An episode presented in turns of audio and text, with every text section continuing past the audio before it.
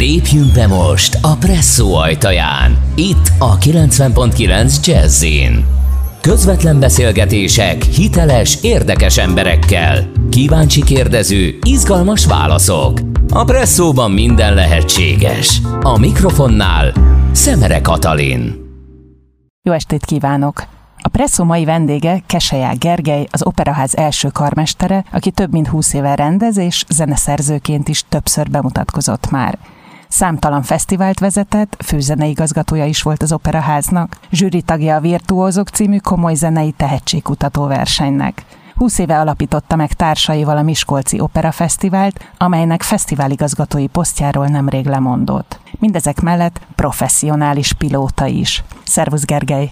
Szervusz, üdvözlöm a hallgatókat. Négy évesen Beethovenre vezényeltél a nappaliban, tíz évesen az osztályod megnyerte az iskolai farsangot, amikor rávetted őket, hogy szimfonikus zenekarnak öltözzetek be, amelyet te dirigáltál. 17 évesen művet írtál egy 70 fő zenekarra, majd egy zenekari táborban egy koncert alatt eldöntötted, hogy karmester leszel. Honnan tudtad ilyen biztosan, hogy jó karmesternek lenni? Nem tudom megmondani, hogy honnan tudtam. Igazán nem tudtam, hogy jó-e. Az akkor derült ki valóban, amikor a zenekari tábor alkalmával fölálltam, hogy fölállhattam egy nagy zenekar élére, amit nem én szerveztem, hanem nem, hát egy, egy meglevő nagy ifjúsági zenekar volt, ugye ez az István gimnáziumnak a középső zenekarra volt egész pontosan akkor, és amikor ott ezt a nagy zenekart vezényeltem, akkor csupán annyi bizonyosodott be, hogy ez tényleg olyan jó, mint ahogy én azt gondoltam, de hogy előzetesen, tehát már mondjuk négy éves korom óta honnan gondoltam, vagy honnan tudtam, azt nem tudom, de igazán nem is feltétlenül azt tudtam, hogy ez jó, hanem, hanem olyan evidens volt, hogy én ezt fogom csinálni, ami tényleg érdekes, mert a szüleim nem zenészek hatan vagytok testvérek, vezérfigura voltál a testvéreid között otthon is? Játszottál mondjuk zenekarosat?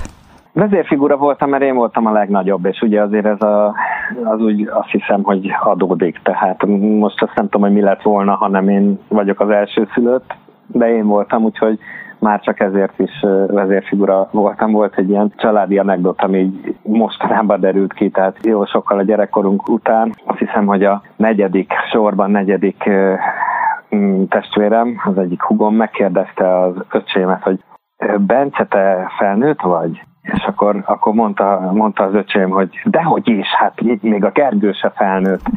És ezzel a Kinga hugom azt mondta, hogy, hogy hát ezt, ezt nem is gondolt, hát, hát ő, ő az öcsémen úgy, úgy, úgy tanakodott magába, hogy vajon felnőtt lehet, de hát az, hogy én felnőtt vagyok, az teljesen egyértelmű volt. De most ugye ebben még az az édes, hogy mi nagyjából évente születtünk egymás után, tehát a szoban forgó hugom és én közöttem négy év különbség volt. És lehet zenész a testvéreid közül? Nem, hivatásos zenész nem lett, de az öcsém, akiről az ered szó volt, velem együtt kezdett csellózni, és ő a mai napig csellózik, bőgözik, népi hegedő, brácsázik, hegedő, zenét ír, zenekarban játszik, énekkarban énekel, kamarázik, komponál a kamaratársainak, tehát egy nagyon, amellett, hogy ő, ő tanár lett, nyelvtanár, de végül is egy nagyon-nagyon intenzív zenei életet élő is. Mikor vettél csellót a kezedbe legutóbb? Nem tudom, és kicsit szégyellem is, és mindig úgy vagyok vele, hogy annyira sok mindent csinálok, és, és olyan jó lenne, hogyha mondjuk vennék, nincs, nincs hangszerem egyébként, ha vennék egy csellót magamnak, és akkor, akkor időnként leülnék, és bár én sosem voltam annyira virtuóz csellista, mindig olyan voltam, hogy amit, ami a feladat, azt, azt a legjobban kell nekem megcsinálni, de sosem bírtam, hogyha nem én vagyok van be a legjobb, úgyhogy a zeneiskolai koncerteken, meg, meg osztályba próbáltam mindig legjobb lenni, és ez általában sikerült is, de azt mindig éreztem, hogy ez nem nem ez az, amit kirázok a kis ujjamból, és, és úgy mindenkit magam mögé utasítok, hanem ez egy nagyon keményen meg kellett küzdeni. De nem, nem tudom, nem tudom, hogy mikor cselloztam utoljára. Ami viszont nagyon jól ment, és, és abból már azért következtettem, hogy azért ez a karmesterség majd jó lesz nekem, az a zenekari játék. Szóval a zenekari játék és a szólamvezetés, általában nagyon hamar bekerültem egy zenekarba, akkor szólamvezető lettem, az nagyon-nagyon jól ment. Amikor én ugye aztán nem konziba jártam, tehát nem a zenei szakközépiskolába folytattam a tanulmányaimat az általános után, hanem a Piarista gimnáziumba, és amellett viszont zenéltem, csellóztam is, meg, meg zenekarokba jártam.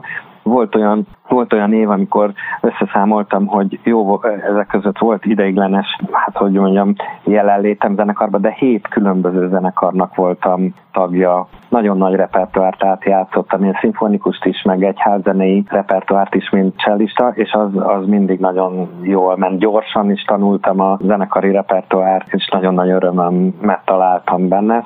Mindjárt folytatjuk a presszót Kesaják Gergely karmesterrel, ez a 90.9 Jazzy Rádió. Közvetlen beszélgetések hiteles, érdekes emberekkel.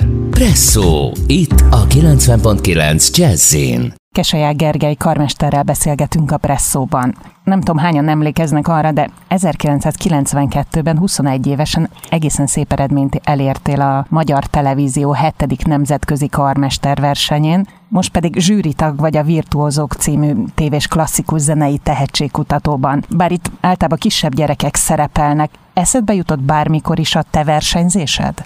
Talán bevillant, de én nem, inkább, inkább az az érzés villant be, hogy én úgy, ahogy van, nem szeretem a versenyeket. Talán azt is szoktam hogy a sportot sem szeretem, de ez, ez nem egyelő azzal, hogy a mozgást vagy az aktivitást ne szeretném, mert például nagyon-nagyon szeretek biciklizni. Az ilyen emblematikus, amit el szoktam mondani, és akkor azt könnyen lehet érteni. Én a gimnáziumi éveim alatt egy, egy bicikli zarándoklat keretében ugye Rómáig elbicikliztem, tehát te éppen nem is ez volt a legnagyobb teljesítmény, csak ez így elmondva, ez a legjobban hangzó dolog.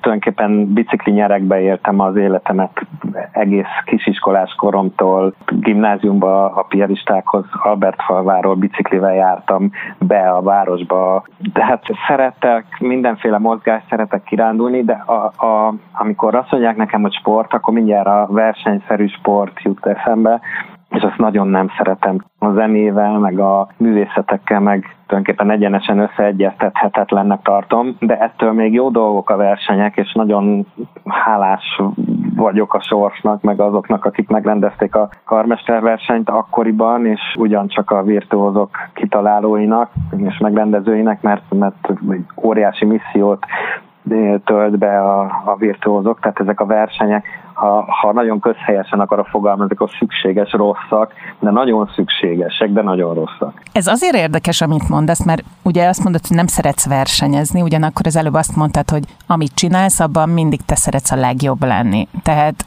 azért az is egyfajta verseny, nem? Igen, de ez egy ilyen belső kényszer, ezt nem tudom, hogy jó-e. Tehát ugye van, van, aki azt mondja, hogy hú, de jó, hogy mindenben te akarsz a legjobb lenni, meg maximalista vagy, meg nem tudom de ez nem, nem biztos, hogy jó. Tehát ez egy adottság. Nem azt mondom, hogy neveltetés, mert a szüleim biztos, hogy arra neveltek, hogy legyek magamhoz szigorú, meg hogy akarjam a feladataimat jól végezni, de hogy feltétlenül mindenben én legyek a legjobb, arra nem ösztökéltek soha. Igen, bennem van ez, hogy így hajtom magamat, de, de hogyha mások hajtanak, azt nem szeretem. Abban én nem hiszek, tehát számomra őszintétlen mondatok, hogy nem a győzelem a fontos, hanem a részvétel. Nem vádolok senkit, hogy hazudik, mert elképzelhető, hogy valaki így érzi, de azért szerintem ez a, többség azért nem így érzi. Említetted a 92-es versenyt, akkor én emlékszem, hogy azt nyilatkoztam, hogy kell akarnunk nyerni, mert ha mi nem akarjuk, akkor más nem fogja helyettünk akarni. És ez, ez mai napig így gondolom, szerintem elsősorban, ha valaki el akar, elindul egy versenyre, akkor nyer. Legalábbis olyan fiatalon én biztos, hogy azzal indultam. Nem tudtam, vagy nem, nem, nem voltam benne biztos, vagy nem tudtam, hogy hány százalék esélyt adjak magamnak, hogy én nyerjek de hogy, de hogy akarok nyerni, olyan őszintén ide nekem az oroszlánt, az biztos, hogy így mentem neki. Lehet, hogy ez egy kicsit a karmesterség habitusával is összefügg. Elsősorban operákat vezényelsz, amikor néztem az általad írt zenék listáját, Húsvéti Oratórium, Harmadnapon Kantáta, Requiem, Szent Margit Mise, Ave Maria, hát ezek egyházi zenék. Operát sose akartál írni? De van egy operám, csúszik a premierje, e, e, ki volt tűzve már az olaszországi Navara színházban, csak ott közben igazgatóváltás lett, és akkor az igaz, új igazgató azt kérte tőlem, hogy esetleg redukálja, mert ez egy elég, hát nem nagyon nagy zenekar, de egy sok színű zenekarra van írva, csak mondtam neki, hogy én nem szeretném redukálni, mert ennek ez az egyik fontos célom, hogy nagyon, nagyon sok színt használjak a zenében, és ehhez kell ez a viszonylag nagy létszámú, vagy nagy közepes létszámú zenekar, tehát ez kamara zenekarra nem szeretném átírni, és akkor elmaradtam. Most ugye ez csak egy ürügy volt, hogy vegye le a műsorról, mert, mert nem ő tűzte ki, vagy pedig nem tudom. De az operaházban is, most is ki van tűzve, csak itt a, a covidos évad fölborulások miatt most már két évadot csúszott, most azt hiszem, hogy 24-re tervezi Okovács Szilveszter a, a bemutatóját az operának, de hát még lehet változás, remélem, ha változás lesz, akkor inkább előrébb jön, hiszen ezt 14-ben írtam meg, gyakorlatilag két hét alatt a lényegét, tehát amit azt mondjuk, hogy az ihlet, az tényleg, az tényleg tényleg úgy volt, hogy én 2000 óta szeretnék írni egy operát, nem jött össze, nem jött össze, bizonyos részletek elkészültek, vázlatok voltak. Egyébként a a Parfüm című darabból akartam először írni, a Patrick Süskind Parfüm című regényből, amiből aztán később írtak musicalt, meg film is lett belőle. Na most a musical is, meg a film is az után, jóval az után lett, hogy én már megpróbálkoztam a, az opera írásával, és teleírtam egy csomó vázlatfüzetet, de valahogy nem jött össze, valahogy valószínűleg nem is kellett ezt megírnom, és akkor 2014-ben egy pár évvel azelőtti olvasmányom egyik nyári reggel így eszembe ötlet, hogy na, abból kéne írni operát, és leült, egyébként ez a Carol Lee nevű amerikai spirituális szerző és tanító és guru-nak a, egy regénye, Hazatérés az a címe, és akkor gyakorlatilag két hét alatt megírtam ezt a darabot, úgy, hogy e, nyilván nem volt kész, tehát még sokat kellett rajta hangszerelni, meg utána nagyjából még egy évig elpepecseltem vele, de tulajdonképpen ütem számra az elejétől a végéig megvolt, és úgy, hogy ebben a két hétben benne volt az is, hogy a szövegkönyvet is megírtam magamnak a regényből. Tehát egy dramaturgi munka, egy szövegkönyvírói munka és a, a kompozíció. Aztán később vittem el Sziámihoz, Müller Péter Sziámihoz, akivel egyébként 2000 óta terveztük a, a párszűnöt megírni, hogy hát a Parfüm nem jött össze, de most én írtam egy, egy ilyen zenét, és, és mm, hát akkor a szöveget, amit ugyan én egy, úgy hívtam, egy mankó szöveget írtam magamnak, tehát ez tulajdonképpen meg volt ütemről ütemre, hogy minek kell történnie, de akkor most ez fordítsa lesz Jámira, és akkor legyen egy, egy költőibb szöveg, mint amit én megírtam, és tulajdonképpen fordítsuk le magyarról magyarra, ami roppan nehéz volt, és nagyon sokat dolgoztunk aztán vele együtt, hiszen nekem semmi sem volt jó, mert már mindent már ahhoz a magyar mankó szöveghez írtam és képzeltem el harmóniát és a többi és a többi akkordokat, zenei hangsúlyokat, amit én meg, magamnak megírtam, viszont nem azt a szöveget akartam használni, tehát szerettem volna egy sziámi szöveget, ami viszont gyakorlatilag szótak számra megegyezik, és, és a fő hangsúlyok oda is jönnek ki, ahova én megírtam. Tehát tulajdonképpen, ha 24-ben lesz a bemutatója, akkor lehet mondani, hogy ez érdemben ez már egy 10 éves darab lesz addigra. Még ha mondom, a, aztán a hangszerelés és a csiszolgatás az, az még legalább egy évbe beletelt, mire, mire minden elkészült. Hamarosan visszajövünk Keselyá Gergelyel a Presszóba, ez itt a 90.9 Jazzy Rádió. Ma is egy igazán érdekes emberül a Presszó asztalánál, itt a 90.9 Jazzin. Megéri belehallgatni a beszélgetésbe. A Jazzy Presszó mai vendége Keselyá Gergely karmester, aki az egyik alapítója a 20 éve elindított Miskolci Opera Fesztiválnak, amelynek fesztiváligazgatói posztjáról májusban lemondott nyílt leveletben azt írtad, hogy azért mondasz le, mert a város polgármestere úgy döntött, a MÜPA által indított Bartok Tavasz Fesztiválhoz csatolja az Opera Fesztivált, a Miskolcit. Úgy vélted, hogy a Bartok Tavasz részeként ez nem kerül fel a nemzetközi zenei élet térképére. Az általad vezetett fesztivál szerinted mennyire volt ott ezen a térképen?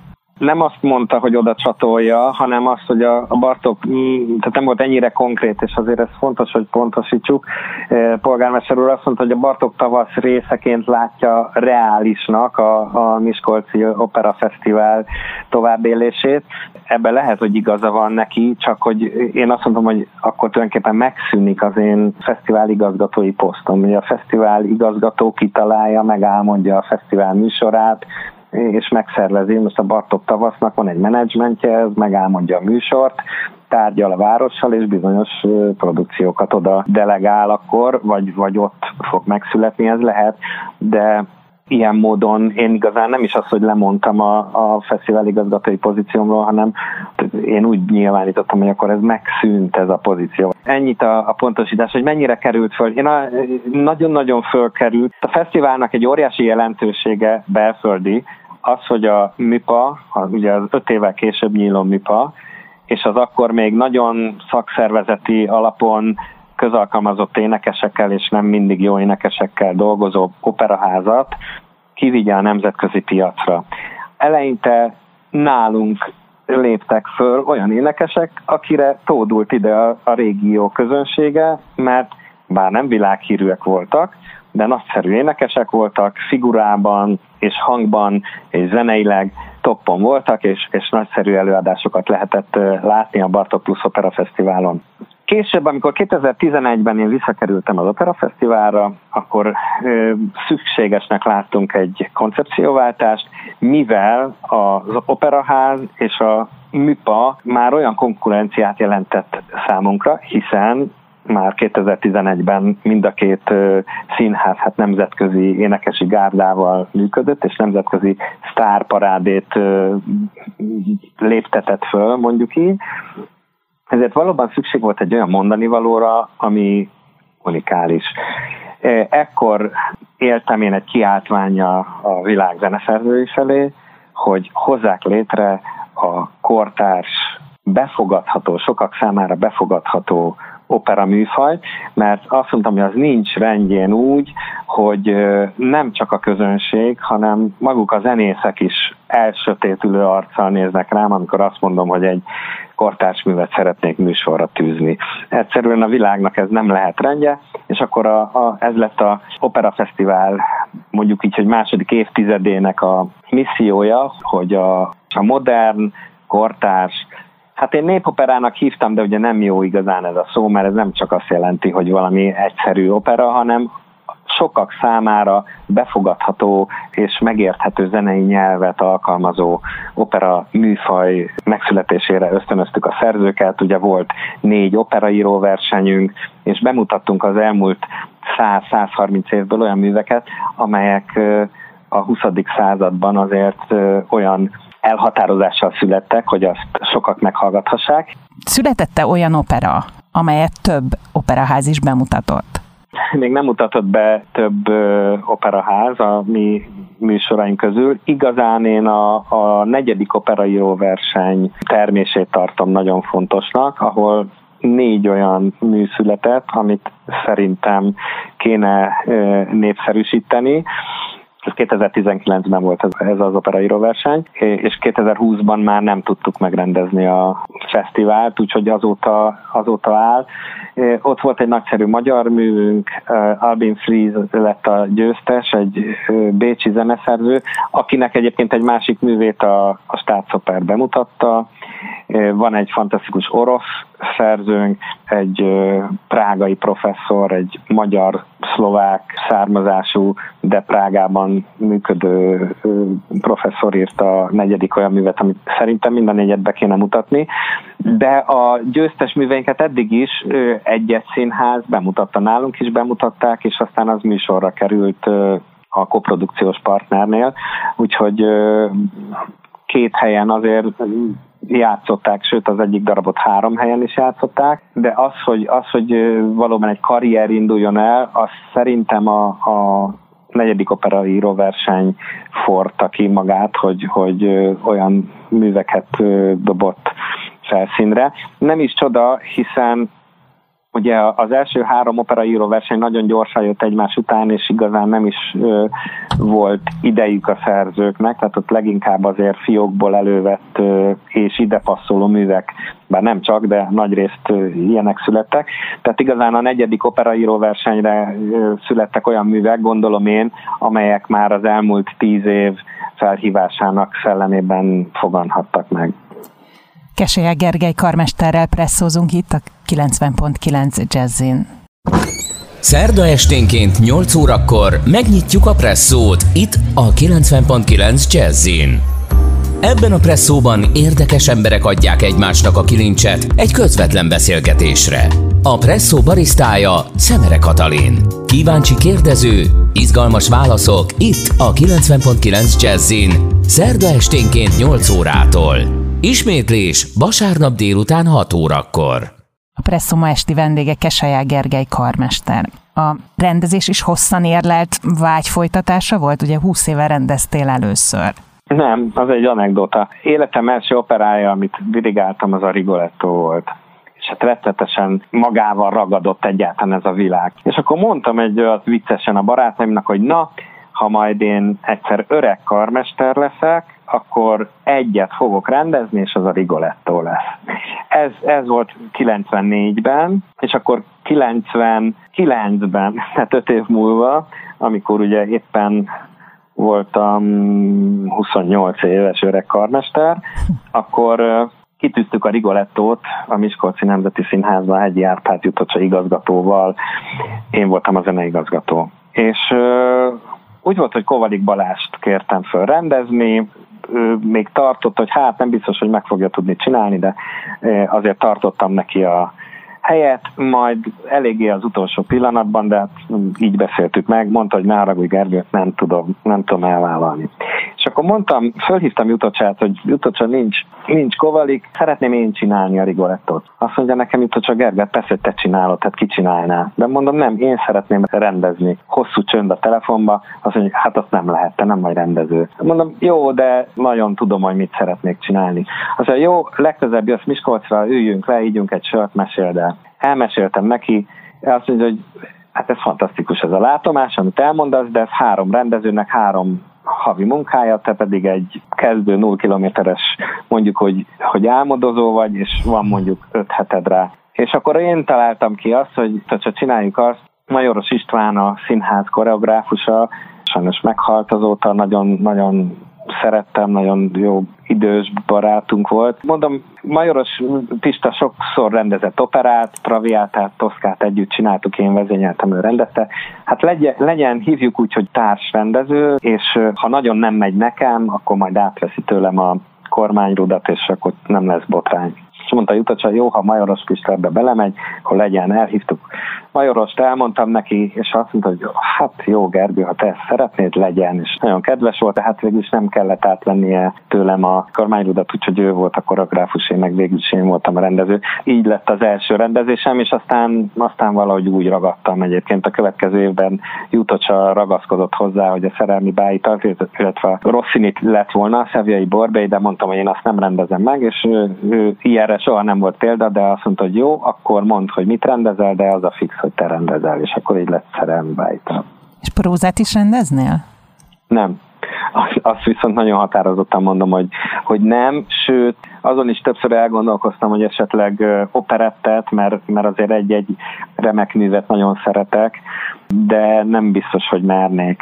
E, az, azt nem, nem állítom, hogy egyszer majd valamelyik operettet ne rendezzem meg, ha, ha egy olyan alkalom adódik, de a bajt nem fogom keresni, az biztos. Nekem a zeneszerző fogja a kezemet, és egyébként szerintem nagyon sok opera rendezésben az a probléma, hogy a, a rendező nem a zeneszerző kezét fogja meg, hanem a szövegíróét, de az opera tisztelete kivétellel az opera szövegírók azért nem mindig olyan sziklaszilárd lábakon állnak, hogy az ő kezükbe kapaszkodva jó előadást lehetne létrehozni.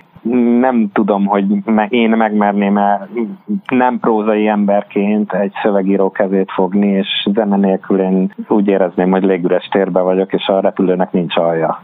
Mindjárt visszajövünk Kesályák Gergely karmesterrel a presszóba, ez itt a 90.9 Jazzy.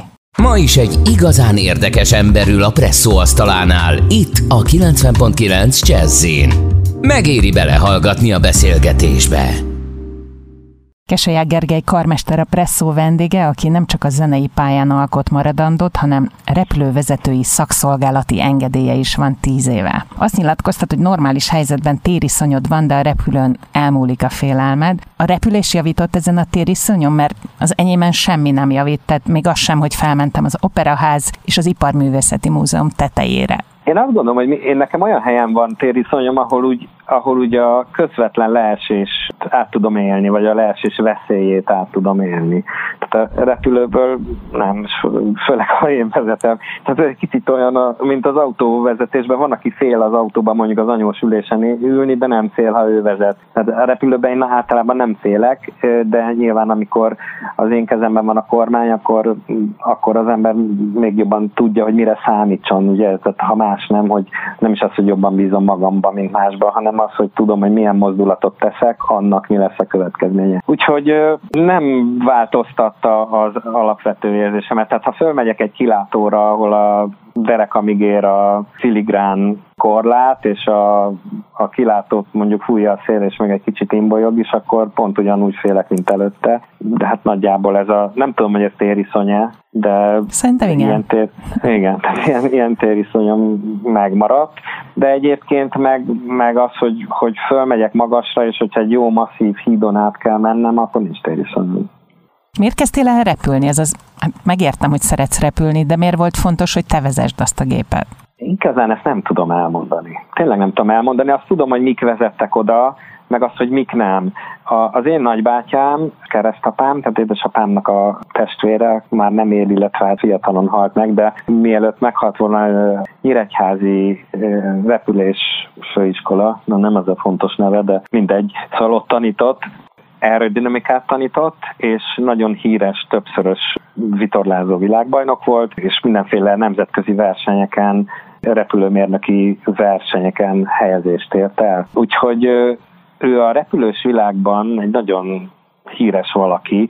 Ugye én tőlem sokszor, hogyha bemutatkozom, az a, a standard kérdés, hogy, hogy az autóversenyző, ugye a Kesjár Csaba, Isten hmm. nyugasztalja, aki már jó régen meghalt, valamiért a kesejákról, a legtöbbeknek az ugrik be, hogy rokona vagyok ez az autóversenyzőnek. Ugye a virtuózok óta azért sokszor megkérdezik, hogy a karmester, és akkor mondom igen, de azt meg kellett szoknom, hogy repülős körökbe, ha bemutatkozom, akkor az a kérdés, hogy a Misinek rokona vagy? Tudnék a Keseják Mihály, a nagybátyám, mert gyakorlatilag a, a ma szolgáló pilótáknak a felét tanította valamikor főiskolán. De valahogy ez nem, ez nem motivált. Aztán egyszer csak kaptam egy szimulátort egy barátomtól, aki repült, akkor elkezdtem nagyon érdeklődni a, a repülés iránt, valahogy akkor úgy, úgy kézzelfoghatóvá vált, hogy azt akár én is kipróbálhatom. Az vonzott, hogy úgy gázt adok, és akkor repül a repülő. Úgyhogy egyszer csak elmentem egy, egy repülni tanuló ismerősöm meghívott, hogy elvisz, aztán akkor éppen kicsit nem érezte jól magát, úgyhogy mondta, hogy akkor most nem ő fog vinni, hanem az oktatója, de hát akkor az oktató persze elkezdett oktatni, és akkor kérdezte, hogy mikor jövök legközelebb, én megmondtam, hogy holnap. Úgyhogy, de hát akkor már, akkor már tudtam, hogy én fogok, tehát addigra én már szimulátorban szépen repülgettem, amit akkor, akkoriban még tiltottak, tehát azt mondta az oktatóm, hogy jó, akkor most ameddig le nem vizsgáztál, addig többet nem szimulátorozol. Azért a mai szimulátorok már olyanok, hogy, hogy sok mindent lehet tanulni rajtuk. Na, de hát valahogy így kezdődött. És utasszállítógépet vezethetsz? nem vezethetek, mert a, a, mi itt ugye minden félére külön e, szak, nagyon szakszerűen mondhat szakszolgálati engedély kell, és külön jogosítás. Ve, jetet vezettem már, de azt is e, oktató pilótával. A repülésben úgy van, hogy különböző jogosításainkat életben is kell tartani, évente meg kell újítani, ahhoz bizonyos számú feladatot abban a fakban végig, végre kell hajtani, tehát még ha le is vizsgáznék utasszállító repülőgép vezetéséből, ha nem vezetnék megfelelő óraszámot utasszállító repülőgépet minden évben, akkor ez a következő évben már nem lenne érvényes. Köszönöm szépen! Köszönöm én is! Köszönjük, hogy velünk tartottak. Aki nem hallotta a teljes beszélgetést, vasárnap délután 6 órakor pótolhatja itt a 90.9 Jazzy Rádióban. Aki további presszó beszélgetésekre és érdekességekre kíváncsi, megtalálja a Jazzy és a Presszó közösségi online felületein. Búcsúzik a műsorvezető Szemere Katalin. Találkozunk egy hét múlva. Viszont hallásra!